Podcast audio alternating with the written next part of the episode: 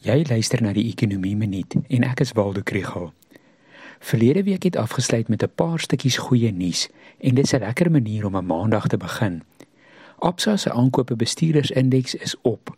Nuwe motorverkope was iets om te vier en Moody's het hulle vooruitsig vir Suid-Afrika se kredietgradering aangepas vanaf negatief na stabiel.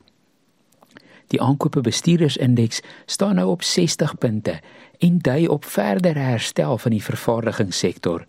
Die aanwysers vir nuwe verkope en besigheidsaktiwiteit het toegeneem. Vervaardigers is wel bekommerd oor stygende insetkoste. Maart maand se voertuigverkope was puik geweest en die totaal van 50607 voertuie is die hoogste verkope sedert Oktober 2019. Die eerste kwartaal se verkope is 17,9% beter as verlede jaar. Uitvoer het ongelukkig afgeneem in Maart maand. En Vrydag het Moody's hulle vooruitsig vir Suid-Afrika se kredietgradering aangepas vanaf negatief na stabiel.